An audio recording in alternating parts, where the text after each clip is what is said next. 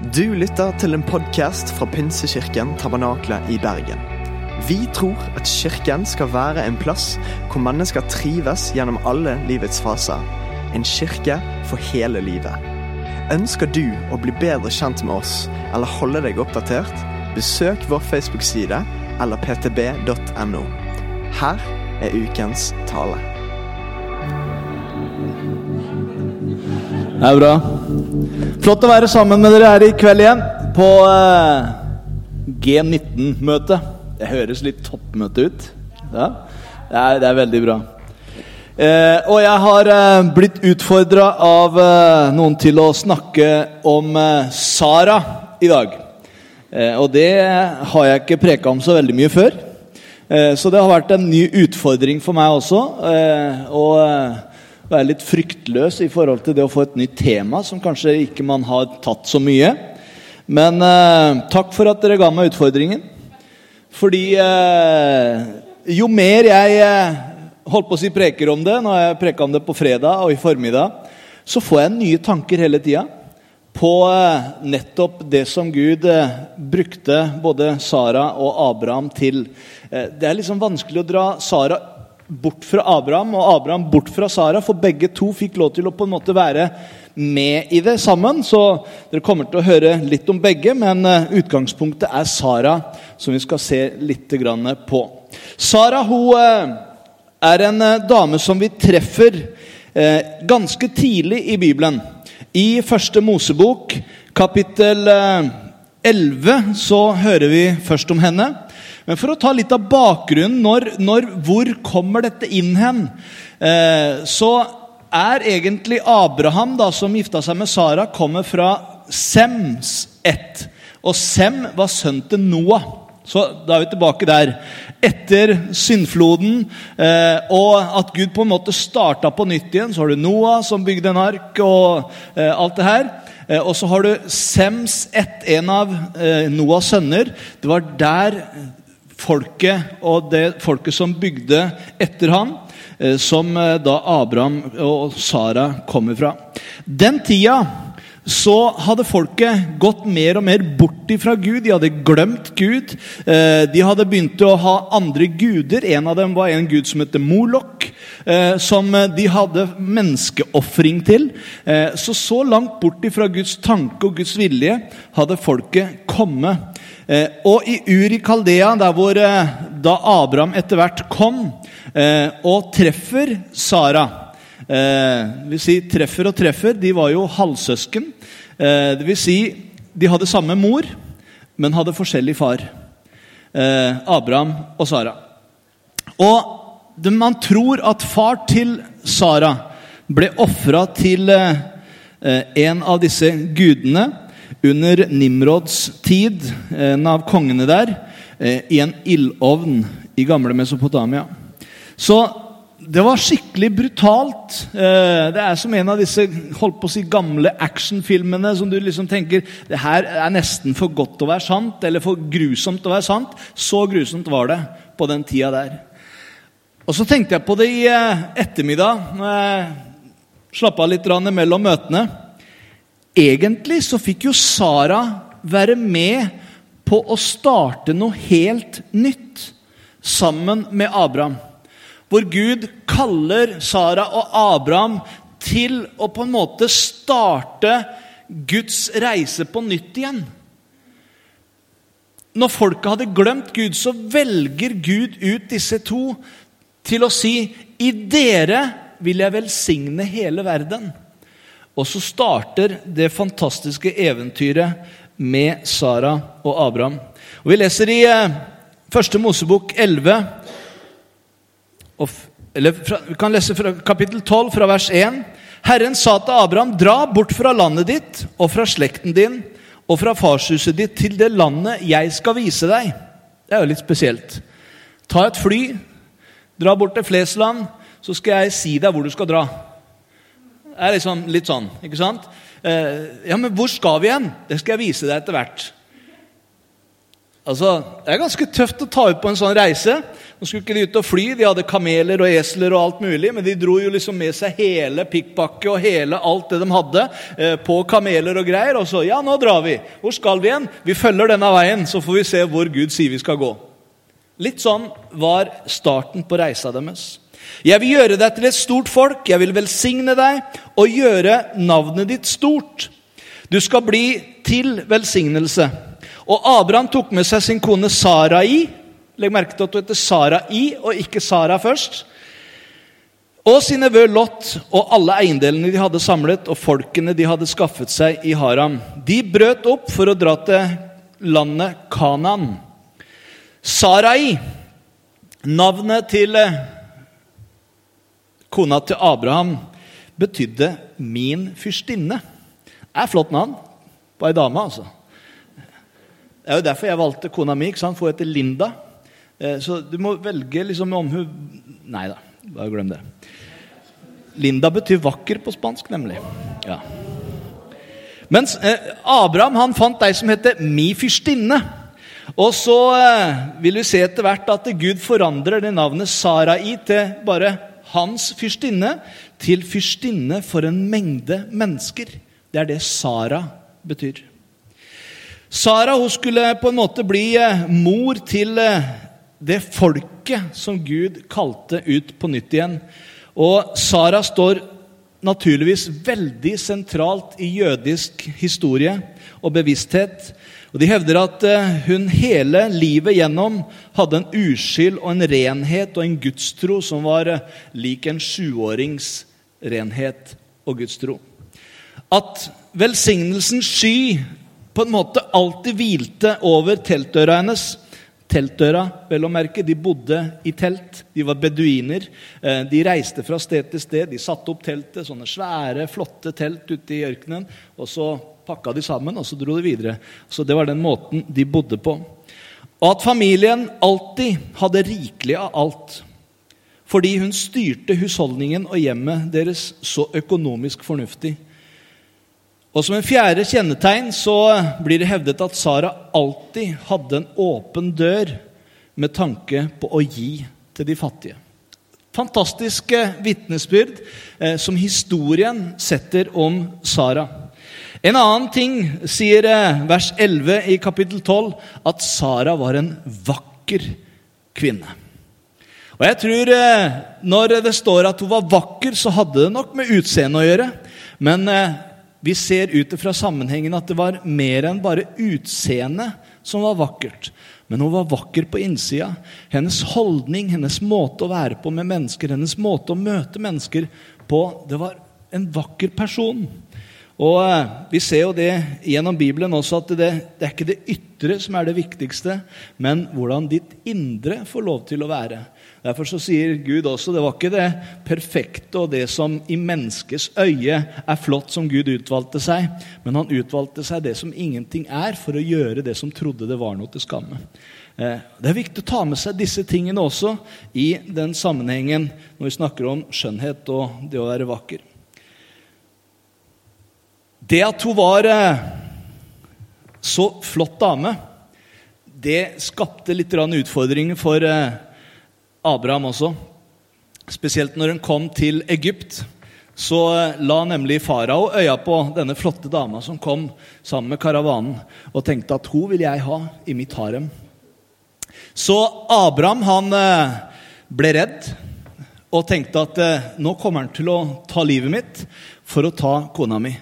Så han sa til Sara at eh, nå skal du si fra når vi kommer inn i Egypt. skal du si fra at du er søstera mi. Ikke at du er gift med meg, men si at du er søstera mi. Og det gjorde hun. Hun ble med på løgnen. Og, eh, og det er klart at eh, i og med at hun var søstera, så var det, var det, rett til slottet. Og, men så fikk han en drøm. Så opplevde han liksom at dette her Altså, Gud sparte eh, livet til Sara og til Abraham eh, ved at ble aldri der. Men i tillegg til det så ble, han så redd farao at han bare velsigna med kameler og gull og sølv og alt mulig og sa vær så snill, ta alt dette. Jeg vil ikke ha forbannelsen ved at jeg har tatt din kone, men kom dere herifra. Og så dro de videre.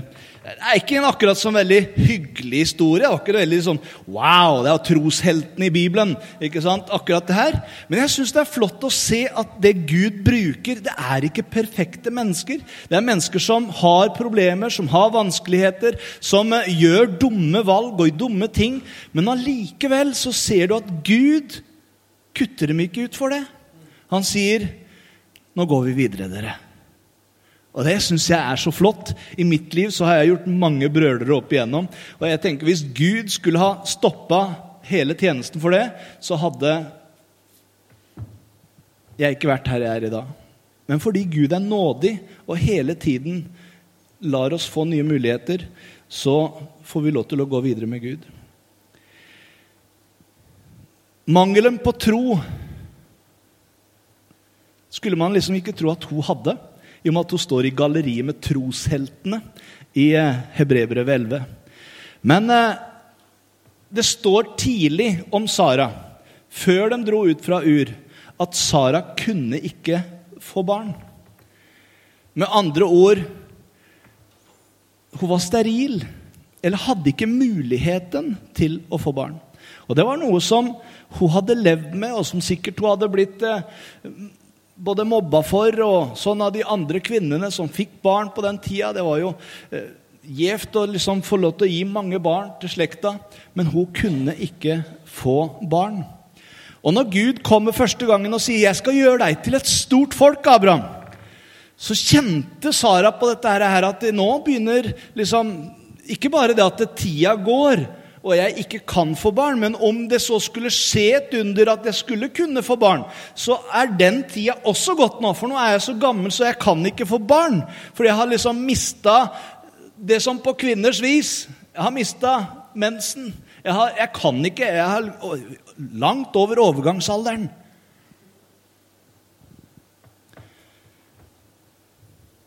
Men så kommer hun til Abraham en dag, og så sier hun, 'Abraham, vet du hva? Jeg tror vi må hjelpe Gud litt.' Jeg tror eh, Fint, jeg, skjønner Guds tanke med at eh, han vil vi skal bli et stort folk, og sånn, men jeg tror han har tenkt at vi må gjøre det på en litt annen måte. Vi må hjelpe Gud litt. Jeg har jo tenkt det av og til at tiden nå tar det litt lang tid, så nå må vi liksom kanskje gå inn og hjelpe Gud litt til å få liksom fullført det som han vil. Og det var det de prøvde på sin måte. Så Sara går inn til Abraham og sier du, jeg har en tjenestekvinne eh, som eh, er min. På den tida, Du må se litt konteksten på dette. her, at Den tida hadde man slaver, man hadde mennesker man eide. Eh, langt opp et, et, inn i nytestamentlig tid, allerede på Paulus' tid, så hadde man slaver. og Paulus skriver til f.eks. Filimon Ta godt hånd om Filimon, som er din slave. Eh, vær god mot han. Du som nå har blitt en kristen, du må behandle de på en annen måte langt inn i vår tid. Og dette var enda mer vanlig på den tida. Så de eide Abraham både eide Sara og eide de folka eh, som på en måte jobba for dem. Og Sara hun eide en slavekvinne som heter Hagar. Og så sier hun til Abraham at nå skal du ligge med Hagar, og så skal dere få et barn. Og så var det en skikk på den tida som sa at hvis den slavekvinnen fødte på fanget til mora, så ble barnet deres. Så tenkte jeg ja, men kanskje det er sånn Gud har tenkt det. Og så gjør de en liten sånn deal eh, på at eh, de skal gjøre dette her. Og det blir født en sønn som eh, de da tenkte at dette må være det Gud har tenkt. Bommert nummer to. Dette førte dem bort og enda mer, og igjen så kommer de til en annen konge som syns at Sara er en vakker kvinne. Og igjen så lyver hun på at det er søstera. Eh, to ganger skjedde dette her. Eh, og før de liksom setter seg ned i Mamre, i eh, et sted hvor det, de nå skulle bo. Og Der sier, kommer Gud på besøk, og så sier han til Abraham Abraham, du skal ikke lenger kalles Abraham, men Abraham. Første Mosebok 17, vers 15. Abraham skal være navnet ditt, for jeg gjør deg til far for mange folkeslag.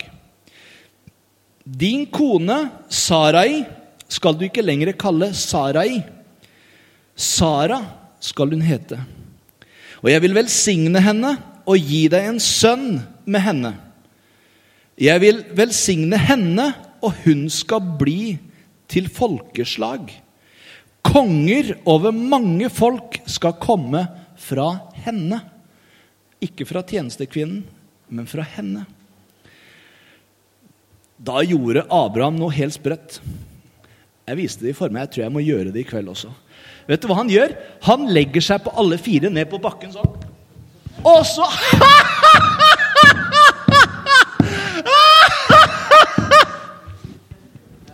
Skal dere prøve dere òg? Det er egentlig veldig befriende. Jeg synes dere, du, du, du filmer det du. Dere burde prøve det, altså. Det står det! Da kastet Abraham seg til jorden og lo. Og i ettermiddag, når jeg tenkte på Som jeg hadde dumma meg ut her, og nå gjorde jeg det igjen. Så tenkte jeg Abraham Altså, jeg er bare 50. Abraham var 100 år når han legger seg flat på bakken og ler. Med enda større grunn, en gammel gubbe på 100 år, så kommer Gud og sier, 'Sara, kona di, skal få et barn'. Jeg tror jeg hadde kanskje gjort det samme. Om ikke jeg hadde lagt meg på magen og ledd, så hadde jeg i hvert fall tenkt at Gud, nå skrøner du bra. Nå tuller du utrolig. Kona mi er 90 år. Hun kan ikke få barn. Og jeg jeg får det ikke til lenger.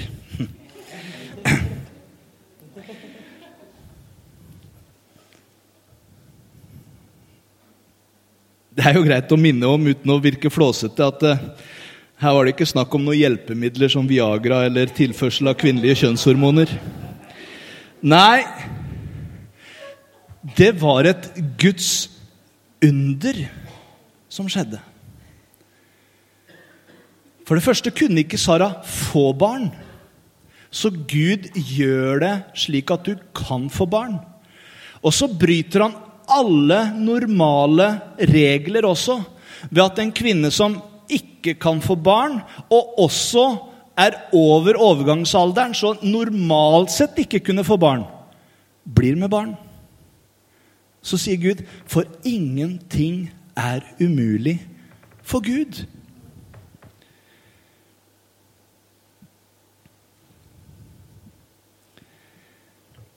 Gud kommer igjen til eh, Abraham på besøk. De sitter utafor teltet før da Sara blir med barn. Etter at du hadde fått første beskjeden om at dette skal skje. Så kommer, står det, Herren selv på besøk sammen med noen engler til teltet hvor de er. Og så har de samtale med Abraham. Stedet hvor de bodde, det heter Hebron, og Hebron det står for samfunn og fellesskap. Og Det er ganske fantastisk at det står at eh, Gud kom ned og hadde samtaler med Abraham. Gikk og vandra rundt og prata sammen. Hadde samfunn. Gud ønsker å ha samfunn og fellesskap med oss. Og der bygde Abraham et alter for Gud, står det.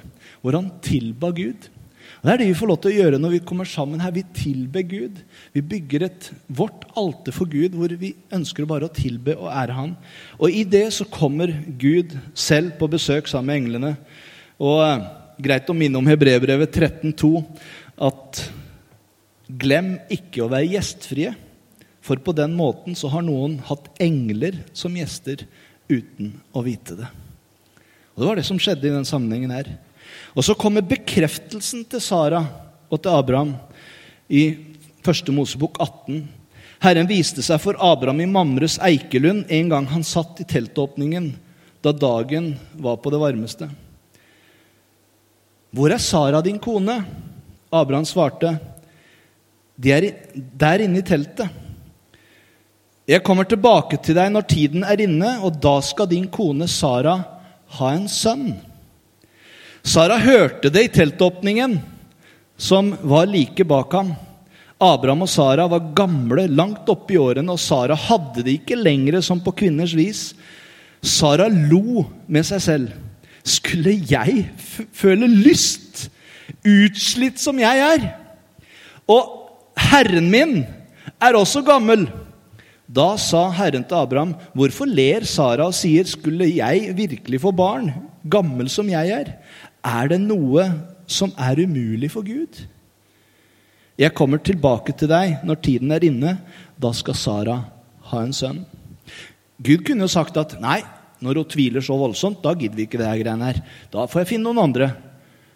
Men allikevel så kommer Gud igjen, og så gir han nåde og så gir han en mulighet. Han hadde kalt dem ut. Det står at Herren angrer ikke sine nådegaver. Han hadde kalt dem til en oppgave. Og selv om det var vanskelig, og selv om situasjonene virka håpløse, så kasta ikke Gud dem ut av hans plan, men de fikk lov til å stå i det. Det må ha skjedd noe her med Abraham og Sara. Og Abrahams tro, den vokste, og Saras tro, den vokste. Hebrebrevet 11, vi hopper over romerne, så går vi rett på Sara. I tro fikk også Sara kraft til å bli mor for en ett, enda så gammel hun var. For hun stolte på at han som hadde gitt løftet, var trofast. Det er et fantastisk vers. Hun stolte på at han som hadde gitt løftet, han var trofast. Da det står at han er trofast selv om vi er troløse. Om vi er troløse, så er han allikevel trofast. For han kan ikke fornekte seg selv. Så ved tro så fikk også Sara kraft til å bli mor for en ett og det til tross for sin høye alder, for hun aktet ham trofast som hadde gitt løftet. Så ser vi videre i 1. Mosebok 21, fra vers 1, at det skjedde det som det var sagt henne. Herren tok seg av Sara slik som han hadde sagt. Det han hadde lovet, gjorde Herren for Sara. Sara ble med barn og fødte Abraham en sønn på hans gamle dager, ved den tiden Gud hadde sagt ham.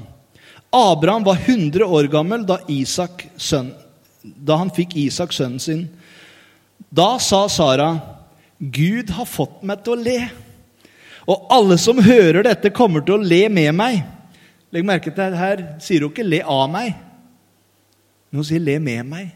Altså glede seg med meg. Hun sa, 'Hvem skulle ha sagt til Abraham og Sara skulle amme barn?'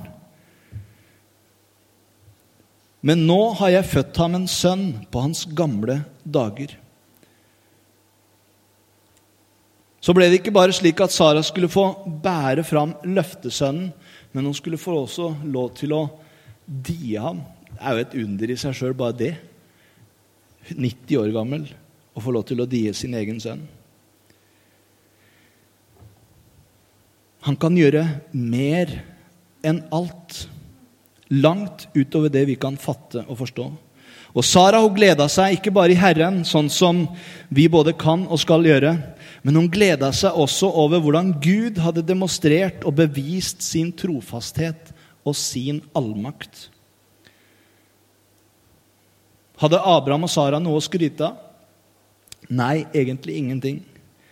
Skulle de skryte, så måtte det være han som hadde vært trofast, og som hadde hjulpet dem å få sønnen som han hadde gitt dem, sønnen som de skrøt av. Hadde de hatt salmene den tida, så hadde de kanskje lest Salme 126, 126,2. Da fyltes vår munn med latter, vår tunge med jubel.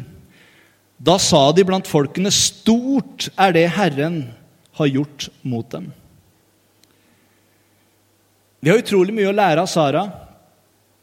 Ikke minst tenker jeg på hvordan hun frykt, maktløs bare fulgte Abraham i det kallet som Gud hadde gitt dem, om å gå til et land som de ikke visste hvor de skulle, og trosse de forskjellige farene som de fikk lov til å gå igjennom.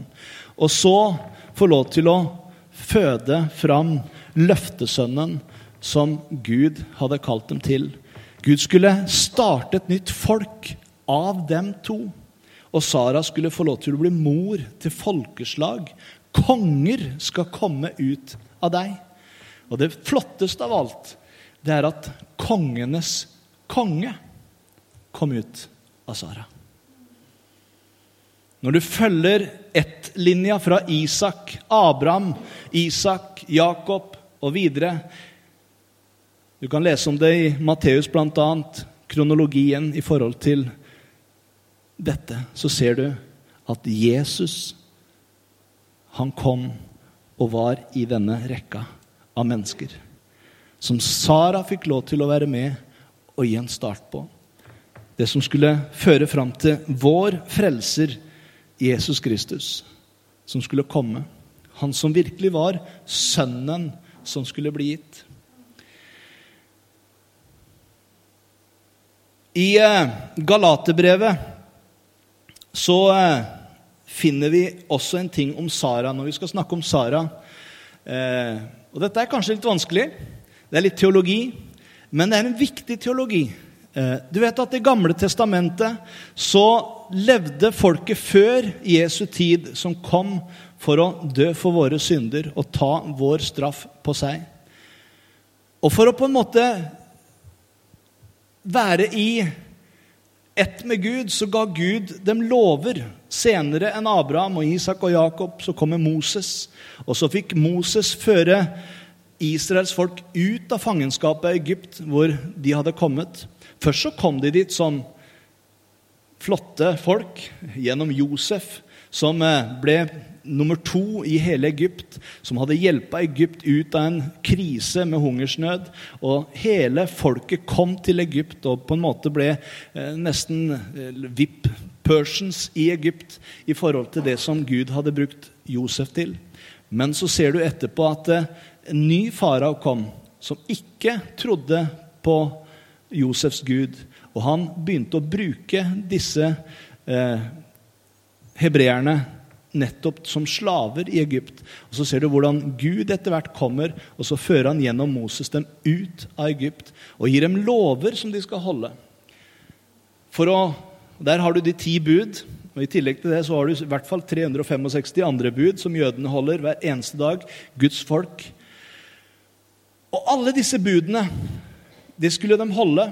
Og hvert år så skulle de gjøre noe som eh, skulle være på en måte et forbilde for det som skulle komme. Men de skulle slakte en, eh, et hvor de skulle legge hendene på dem og bekjenne alle sine synder. Og så skulle de la dette eh, gå ut av leiren. Og, så hadde de ritualer i forhold til det. Hvor blodet skulle på en måte dekke over, skjule synden deres. Men så peker det fram mot en annen virkelighet som skulle komme seinere, om Jesus som skulle komme. Som Guds lam som bærer verdens synd. Og det er det vi har fått lov til å minnes nå i påska.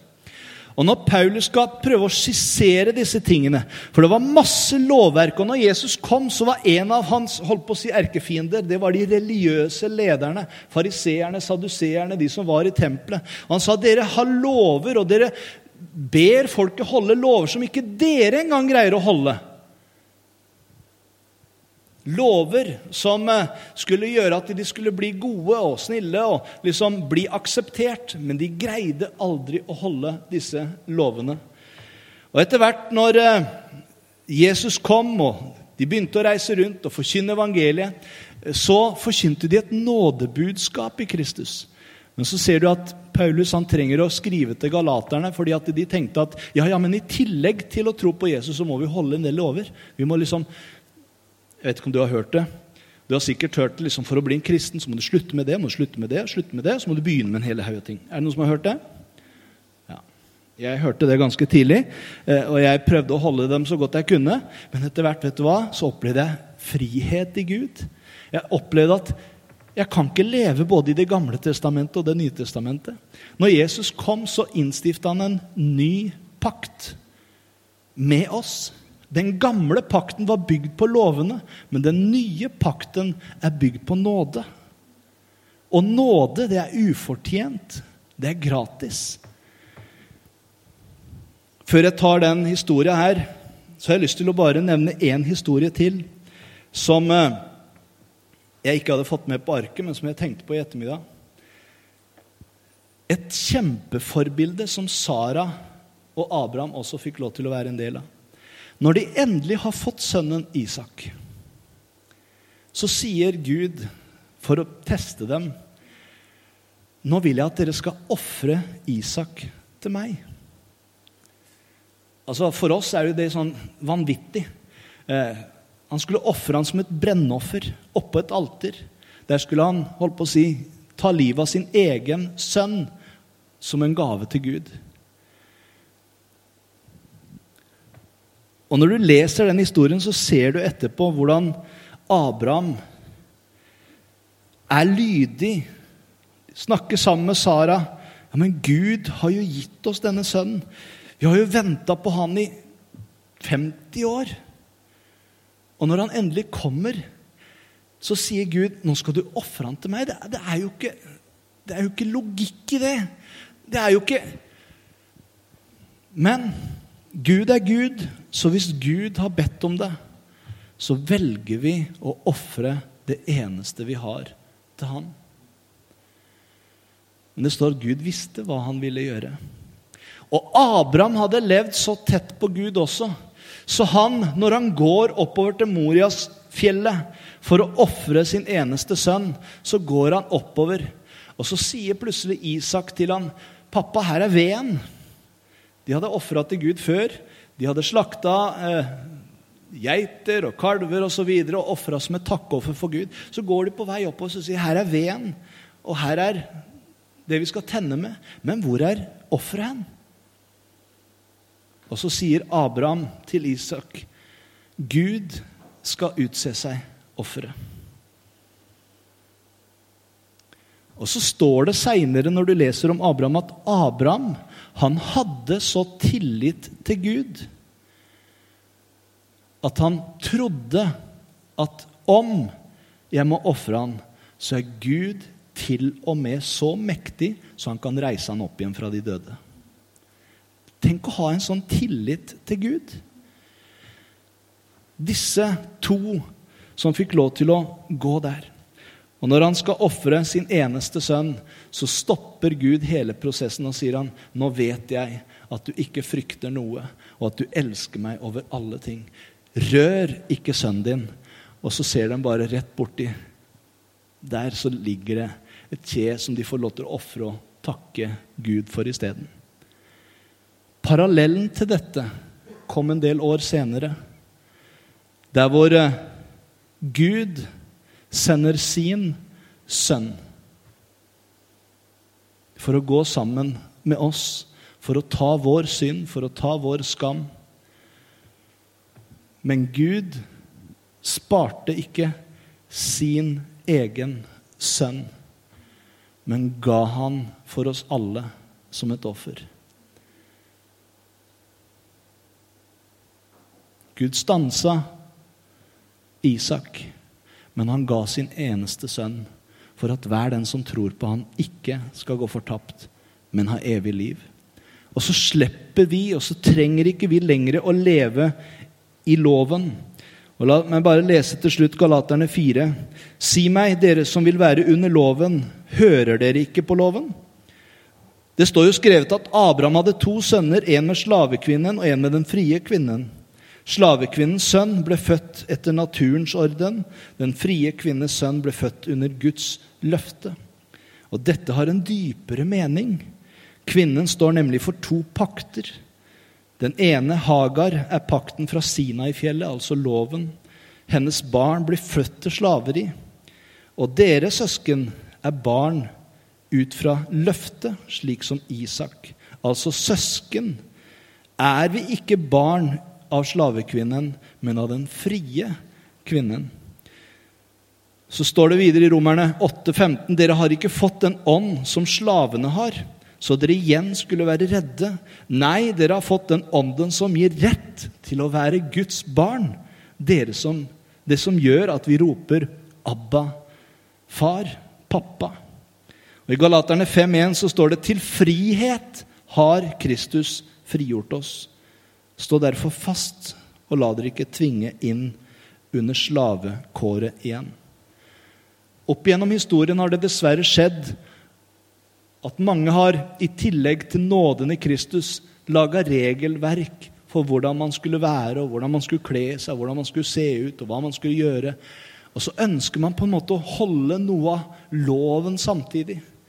Men Jesus har frigjort oss.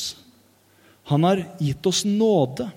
Og vi, Når vi kommer inn i Hans nåde og opplever Hans kjærlighet, så ønsker vi ikke å leve i synden, men vi ønsker å leve tett opp til Han som har elska oss så enormt mye og gitt alt for oss. Og det er bygd på tillit og kjærlighet og ikke på krav og lov. Og det er det Jesus har gjort for hver eneste en av oss. Sara var et trosvitne helt til det siste.